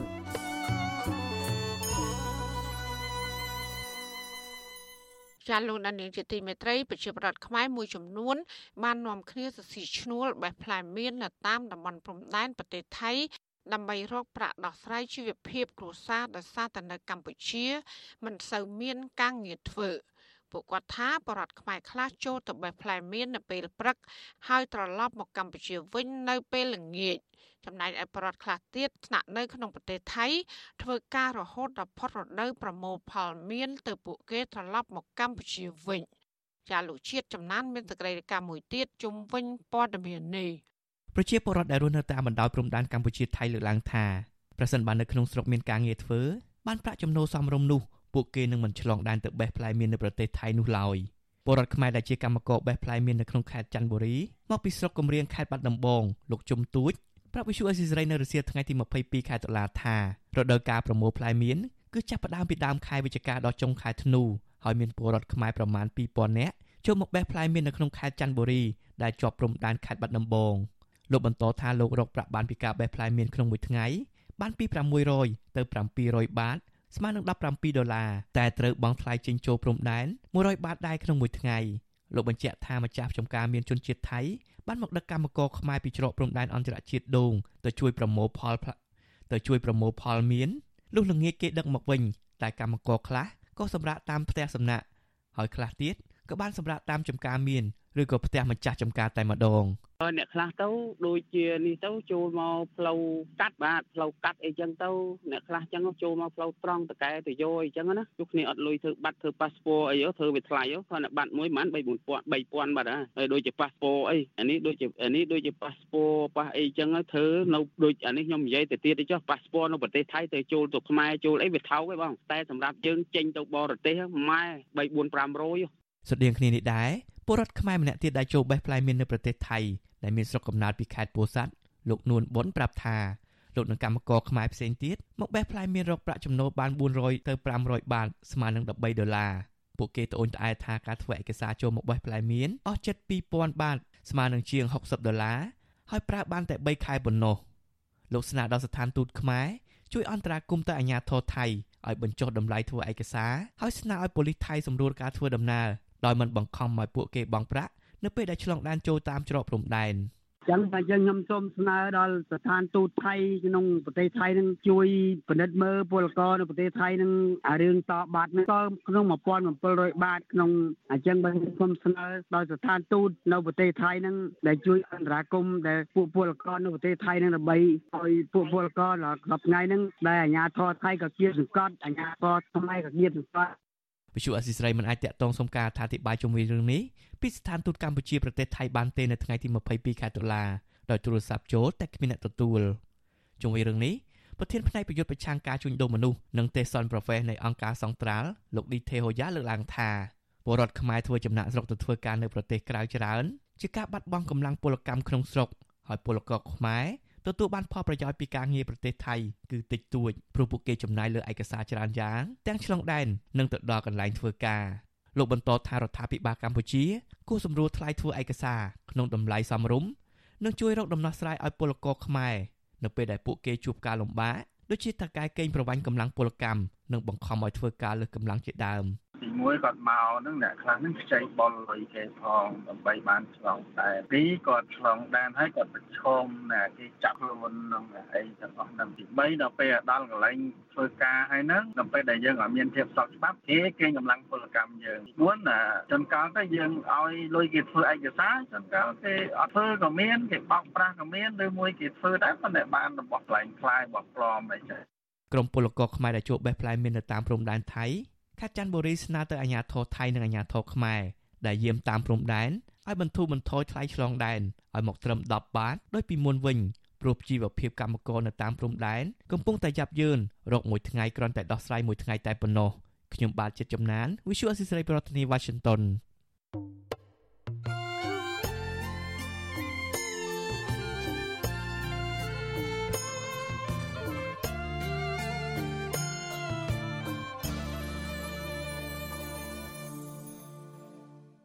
ចាលោកដានីងជាទីមេត្រីអ្នកវិភាគនយោបាយនិងអ្នកជំនាញសិទ្ធិមនុស្សមើលឃើញថាលោកនាយករដ្ឋមន្ត្រីហ៊ុនសែនគឺជាអ្នកទទួលខុសត្រូវទាំងស្រុងចំពោះការមិនអនុវត្តកិច្ចព្រមព្រៀងសន្តិភាពក្រុងប៉ារីសជាពិសេសគឺគោលការណ៍ប្រជាធិបតេយ្យសិទ្ធិមនុស្សនិងអធិបតេយ្យភាពទោះជាយ៉ាងណាពួកគាត់ថាដើម្បីឲ្យលោកនាយករដ្ឋមន្ត្រីហ៊ុនសែនងាកចេញពីរបៀបដឹកនាំតាមបែបផ្ដាច់ការចាំបាច់ ត្រូវតែមានបរិបទកម្មចូលរួមទៀមទាជំរុញឲ្យមានការផ្លាស់ប្ដូរចាសសូមលោកនាងស្ដាប់សេចក្តីរាយការណ៍ពិស្ដាររបស់អ្នកស្រីសុជីវីជំនាញព័ត៌មាននេះដូចតទៅ31ឆ្នាំក្រោយមានសន្ធិសញ្ញាសន្តិភាពឬកិច្ចព្រមព្រៀងសន្តិភាពទីក្រុងប៉ារីអ្នកសិទ្ធិមនុស្សអន្តរជាតិថាលោកហ៊ុនសែនមិនអាចអនុវត្តតាមកិច្ចព្រមព្រៀងសន្តិភាពទីក្រុងប៉ារីបានក៏ដោយសារតែលោកចង់កាន់អំណាចតាមរបៀបផ្ដាច់ការ នាយករងទទួលបន្ទុកកិច្ចការតំបន់អាស៊ីនៃអង្គការឃ្លាំមើលសិទ្ធិមនុស្សអន្តរជាតិ Human Rights Watch លោក Pierre Robertson លើកឡើងថារដ្ឋាភិបាលរបស់លោកហ៊ុនសែនបានបំផ្លាញស្មារតីនៃកិច្ចព្រមព្រៀងសន្តិភាពទីក្រុងប៉ារីលោកថាទឹកតាំងដែលមិនអាចប្រកែកបានគឺការបង្កើតឲ្យមានរដ្ឋសភាឯកបៈផ្ទុយស្រឡះពីស្មារតីកិច្ចព្រមព្រៀងនេះជាមួយគ្នានេះលោកថារដ្ឋាភិបាលក្រោមការដឹកនាំរបស់លោកហ៊ុនសែនបានធ្វើទុកបុកម្នេញ និងបំបិតសិទ្ធិសេរីភាពពលរដ្ឋកាន់តែខ្លាំងជាពិសេសសិទ្ធិនយោបាយលោកបន្តថារឿងរ៉ាវទាំងនេះបានបង្កើតឲ្យមានទំនាស់ផ្នែកនយោបាយនិងការប្រឈមដាក់គ្នាកាន់តែខ្លាំងនិងលែងមានការសម្របសម្រួលដោះស្រាយចំនួនទៅតាមកិច្ចព្រមព្រៀងរក្សាសន្តិភាពនេះថែមទៀត the reason that there is increased tension មូលហេតុដែលនាំឲ្យមានការកើនឡើងនៃការប្រឈមមុខដាក់គ្នាផ្នែកនយោបាយគឺដោយសារតែប្រព័ន្ធគ្រប់គ្រងរបស់រដ្ឋាភិបាលកម្ពុជាលែងមានទួនាទីដោះស្រាយចំនួនតាមការចរចាទៀតហើយរដ្ឋាភិបាលកម្ពុជាគ្រប់គ្រងទាំងស្រុងដោយគណៈបកតែមួយដោយមនុស្សតែមួយក្រុមអ្នកដែលជួបបញ្ហារងភាពអយុត្តិធម៌បណ្ដាលមកពីក្រុមនេះគឺគ្មានជំរឿអ្វីផ្សេង ក្រៅតែពីចេញទៅតវ៉ាតាមដងផ្លូវប្រសិនបើពួកគេចង់ឲ្យសម្លេងពួកគេត្រូវបានគេដឹងឮវាគ្មានអ្វីគួរឲ្យភ្ញាក់ផ្អើលទេដែលស្ថានភាពនយោបាយកាន់តែតានតឹងឡើង នៅពេលនេះ ហើយពលរដ្ឋកំពុងរងសម្ពាធការធ្វើទុកបុកម្នេញការរំលោភបំពានយ៉ាងពិតប្រាកដហើយមនុស្សម្នាក់និងបកតែមួយដែលត្រូវទទួលខុសត្រូវគឺលោកហ៊ុនសែននិងគណៈបកប្រជាជនកម្ពុជា ថ្ងៃទី23ខែតុលានេះជាថ្ងៃខួប31ឆ្នាំនៃការបង្កើតកិច្ចព្រមព្រៀងសន្តិភាពទីក្រុងប៉ារីសន្ធិសញ្ញាសន្តិភាពនេះបានបង្រួបបង្រួមអ្នកនយោបាយខ្មែរដែលប្រឈមមុខដាក់គ្នា ចំនួន4ភាគីឲ្យមករួមគ្នា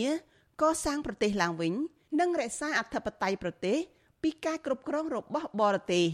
ក្រុមអ្នកនយោបាយ4ភាគីនោះរួមមានភាគីហ៊ុនស៊ិនពេជ្រដឹកនាំដោយសម្ដេចព្រះនរោត្តមសីហនុ ភាគីខ្មែរក្រហមភាគីរណសេរីជាតិរំដោះប្រជាពលរដ្ឋខ្មែររបស់លោកសឿនសាន និងភាគីរដ្ឋកម្ពុជា ដឹកនាំដោយលោកហ៊ុនសែនកិច្ចព្រមព្រៀងនេះមានប្រទេសចំនួន18ជាហត្ថលេខីក្នុងនោះក៏មានមហាអំណាចធំធំទាំង5គឺបារាំងចក្រភពអង់គ្លេសសហរដ្ឋអាមេរិកចិននិងសូវៀតសន្ធិសញ្ញាអន្តរជាតិនេះធានាឲ្យកម្ពុជាមានឯករាជ្យអធិបតេយ្យបូរណភាពភាពមិនអាចរំលោភបាន អព្យាក្រឹតនិងឯកភាពព្រមទាំងបង្កើតនិងធានានីតិរដ្ឋដោយភាគីហត្ថលេខីទូទាំងពិភពលោកអ្នកវិភាគនយោបាយជើងចាស់លោកបណ្ឌិតឡាវម៉ុងហៃបញ្ជាក់ប្រាប់វិទ្យុអាស៊ីសេរីថាដើមចំដែលនាំឲ្យកើតមានចំនួននយោបាយ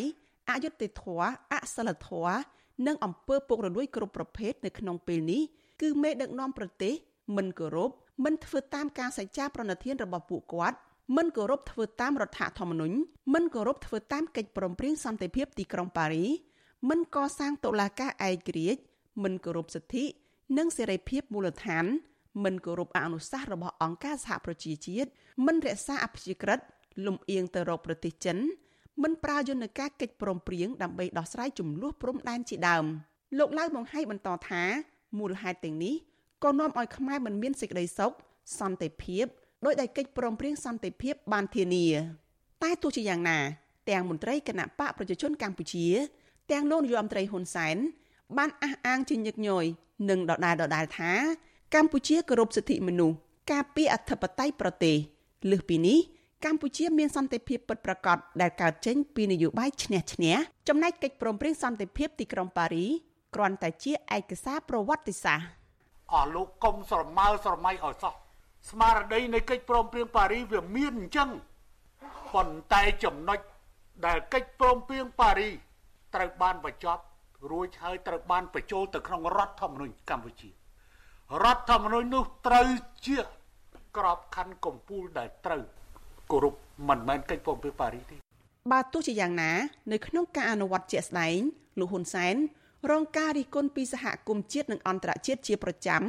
ពីការគាស់រំលើងដំណើរការប្រជាធិបតេយ្យនិងរំលោភធ្ងន់ធ្ងរទៅលើសិទ្ធិពលរដ្ឋនៅក្រៅការរំលាយគណៈបកសង្គ្រោះជាតិកាលពីឆ្នាំ2017លើសពីនេះសហគមន៍អន្តរជាតិពិសេសសហភាពអឺរ៉ុបនិងសហរដ្ឋអាមេរិកទាមទារឲ្យលោកហ៊ុនសែនងាកមកអនុវត្តគោលការណ៍ដែលមានចែងនៅក្នុងកិច្ចព្រមព្រៀងសន្តិភាពទីក្រុងប៉ារីទីប្រឹក្សាអង្គការឃ្លាំមើលការបោះឆ្នោត Confrel លោកគុលបញ្ញាថ្លែងប្រាប់វិទ្យុអាស៊ីសេរីថាចាប់តាំងពីឆ្នាំ2017មក ទាំងសហគមន៍ជាតិនិងអន្តរជាតិចាប់ផ្ដើមរំលឹកឡើងវិញពីសារៈសំខាន់នៃកិច្ចព្រមព្រៀងសន្តិភាពទីក្រុងប៉ារីលោកសង្កេតឃើញថាពលរដ្ឋខ្មែរពិសេសក្រមយុវជននាំគ្នាផុសផុលរំលឹកពីកិច្ចព្រមព្រៀងនេះដែលសរបញ្ជាក់ថាពលរដ្ឋចង់ឲ្យមេដឹកនាំគោរពតាមស្មារតីកិច្ចព្រមព្រៀងសន្តិភាពជារឿងចំណុចវិជ្ជមានអីចឹងវាអាចជាជាអ្វីដែលជាការរុញច្រានឲ្យរដ្ឋាភិបាលបច្ចុប្បន្នត្រូវតែពិនិត្យមើលឡើងវិញអំពីការអនុវត្តឲ្យបានត្រឹមត្រូវតាមកិច្ចព្រមព្រៀងទុកក្រុងប៉ារីប៉ុន្តែទោះបីណាខ្ញុំគិតថាបច្ចុប្បន្ននេះនៅហាក់ដូចជាមិនទាន់មានភាពច្បាស់លាស់នៅឡើយទេហើយសហគមន៍អន្តរជាតិហាក់ដូចជាចាត់ចែងក្នុងការរុញរឿងនេះឲ្យបានខ្លាំងក្លាហើយគាត់ថាគេ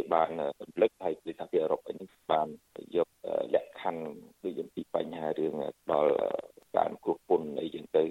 លោកគុលបញ្ញា នៅតែមានសង្ឃឹមថាឥទ្ធិពលសហគមន៍អន្តរជាតិអាចជំរុញរដ្ឋាភិបាលកម្ពុជាអនុវត្តតាមកិច្ចព្រមព្រៀងនេះឡើងវិញតែទោះជាយ៉ាងណាអ្នកសិទ្ធិមនុស្សអន្តរជាតិលោក Phil Robertson យល់ផ្ទុយពីនេះថា មានការពិបាកនឹងធ្វើឲ្យប្រទេសម្ចាស់ហត្ថលេខីទាំងឡាយស្រស់ស្រួលជួយជំរុញទៅរដ្ឋាភិបាលកម្ពុជា ក្នុងបរិបទដែលពិភពលោកកំពុងជួបវិបត្តិធំធំនិងបន្ទាន់ជាច្រើន ពាក់ព័ន្ធនឹងរឿងនេះក្នុងចំណោមប្រទេសជាម្ចាស់ហត្ថលេខីនៃកិច្ចព្រមព្រៀងសន្តិភាពទីក្រុងប៉ារីមានតែសហរដ្ឋអាមេរិកមួយទេដែលឈានមកគេដោយព្រឹទ្ធសភាអាមេរិកកាលពីខែឧសភា បានអនុម័តជាឯកច្ឆ័ន្ទលើសេចក្តីសម្រេចក្នុងការរំលឹកដល់ខួបលើកទី30នៃកិច្ចព្រមព្រៀងសន្តិភាពទីក្រុងប៉ារីឆ្នាំ1991សេចក្តីសម្រេចនេះថែមទាំងរំលឹកពីទួលនីតិដ៏សំខាន់នៃសហគមន៍អន្តរជាតិក្នុងការធ្វើជាដៃគូជាមួយអ្នកពាក់ព័ន្ធខាងកម្ពុជានៅពេលនោះដើម្បីជួយកម្ពុជាបញ្ចប់អំពើហិង្សាហើយចាប់ផ្ដើមកសាងប្រទេសឡើងវិញករណីនេះដែរពលរដ្ឋខ្មែរនៅក្រៅប្រទេសនិងមន្ត្រីគណៈបកប្រឆាំងតែងនាំគ្នាដាក់ញត្តិជាញឹកញយទៅប្រទេសម្ចាស់ហត្ថលេខីកិច្ចព្រមព្រៀងសន្តិភាពទីក្រុងប៉ារីរួមមានប្រទេសបារាំងជប៉ុនសហរដ្ឋអាមេរិកកាណាដា និងអូស្ត្រាលីជាដើម ប៉ុន្តែពួកគេមិនបានលទ្ធផលជាដុំកំភួនឡើយគឺរដ្ឋាភិបាលលោកហ៊ុនសែននៅតែមិនផ្លាស់ប្ដូរជំហរសោះឡើយជាអាចនៅក្នុងរយៈពេលចុងក្រោយនេះអាជ្ញាធររដ្ឋាភិបាល បន្តប្រើប្រាស់ប្រព័ន្ធតុលាការចាប់ឃុំខ្លួនសកម្មជនបកប្រឆាំងសកម្មជនសង្គមនិងអ្នកការពារសិទ្ធិមនុស្សដាក់ពន្ធនាគារកាត់ទោសពួកគេទាំងក្រុមទាំងក្រុមព្រមទាំងប្រើហិង្សាទៅលើក្រុមអ្នកតវ៉ាពិសេសស្ត្រីនៅតាមដងផ្លូវរីឯលោកហ៊ុនសែន នៅតែបន្តគម្រាមកំហែងសកម្មជនបកប្រឆាំងថែមទាំងប្រមានកំទេចក្រុមប្រឆាំងដែលពាក់ព័ន្ធនឹងប្រធានស្ដីទីគណៈបកសង្គ្រោះជាតិលោកសំរងស៊ីបន្ទាប់ពីតុលាការរបបរបស់លោកបានកាត់ទោសមេដឹកនាំគណៈបកប្រឆាំងរូបនេះដាក់ពន្ធនាគារអស់មួយជីវិតពីបទចោទថាបានកាត់ដីឲ្យបរទេសការឡើងកម្ដៅនៃចំនួនរវាងអ្នកនយោបាយកម្ពុជាលោកហ៊ុនសែននិងលោកសំរងស៊ីនេះត្រូវអ្នកវិភាគមើលឃើញថាគឺមកពីលោកហ៊ុនសែនបារម្ភពីការរំខានមិនឲ្យលោក ទេអំណាចទៅឲ្យកូនប្រុសដោយផាត់ចោលសម្លេងប្រឆាំងអនុប្រធានគណៈបកសង្គ្រោះជាតិអ្នកស្រីមូសុកហួរលើកឡើងថាគណៈបករបស់អ្នកស្រី នៅតែបន្តស្នើឲ្យអន្តរជាតិយកចិត្តទុកដាក់ពីបញ្ហាកម្ពុជាប៉ុន្តែអ្នកស្រីថាពលរដ្ឋគ្រប់រូបគួរយកចិត្តទុកដាក់បញ្ហានយោបាយស្រុកទេសដោយធ្វើជាពលរដ្ឋសកម្មក្នុងការទាមទារឲ្យមានការផ្លាស់ប្ដូរគឺមិនគួររងចាំតែចំណាត់ការរបស់សហគមន៍អន្តរជាតិនោះឡើយ លុះត្រាតែយើងហ៊ានតស៊ូបញ្ចេញមតិហ៊ាន ទៅបដកម្មហ៊ានហ៊ានប្រឈមមុខនឹងការរំលោភទាំងឡាយនេះហើយយើងទាំងអស់គ្នាគុំលក់ឧត្តមគតិយើងឲ្យសោះសន្តិភាពគឺដើម្បីខ្មែរយើងលុះត្រាតែខ្មែរយើងចូលរួមទើបមានសន្តិភាពបានតកតងនឹងកិច្ចប្រព្រឹត្តសន្តិភាពទីក្រុងប៉ារីនេះអ្នកវិភាគនយោបាយលោកបណ្ឌិតឡាវម៉ុងហៃបញ្ជាក់ថាសន្ធិសញ្ញានេះនៅតែមានតម្លៃមិនសាបសូន្យ បើទោះបីជាបានធានាបង្កើតរដ្ឋធម្មនុញ្ញនៅក្នុងឆ្នាំ1993ក៏ដោយលោកថាការកោះប្រជុំសន្និសីទទីក្រុងប៉ារីនេះឡើងវិញអាចធ្វើទៅរួចប្រសិនបើភាគីហត្ថលេខី និងអតីតសហប្រធានសន្និសីទយល់ថាកម្ពុជា ក្រោមការដឹកនាំរបស់លោកហ៊ុនសែនបានបំពេញធ្ងន់ធ្ងរខ្លឹមសារនៃកិច្ចព្រមព្រៀងនេះនាងខ្ញុំសុជីវីវិទ្យុអាស៊ីសេរីពីរដ្ឋធានី Washington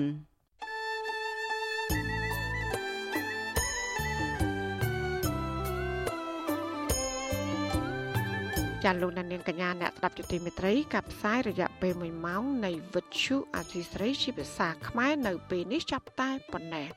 ចាយើងខ្ញុំទាំងអស់គ្នាសូមជូនពរលោកនាងព្រមទាំងក្រុមគូសាទាំងអស់សូមជួបប្រកបតែនឹងសេចក្តីសុខសេចក្តីចម្រើន ជានិរន្តរ៍ចានាងខ្ញុំម៉ៃសុធានីព្រមទាំងក្រុមការងារទាំងអស់នៃវិទ្យុអាស៊ីសេរីសូមអរគុណនិងសូមជម្រាបលា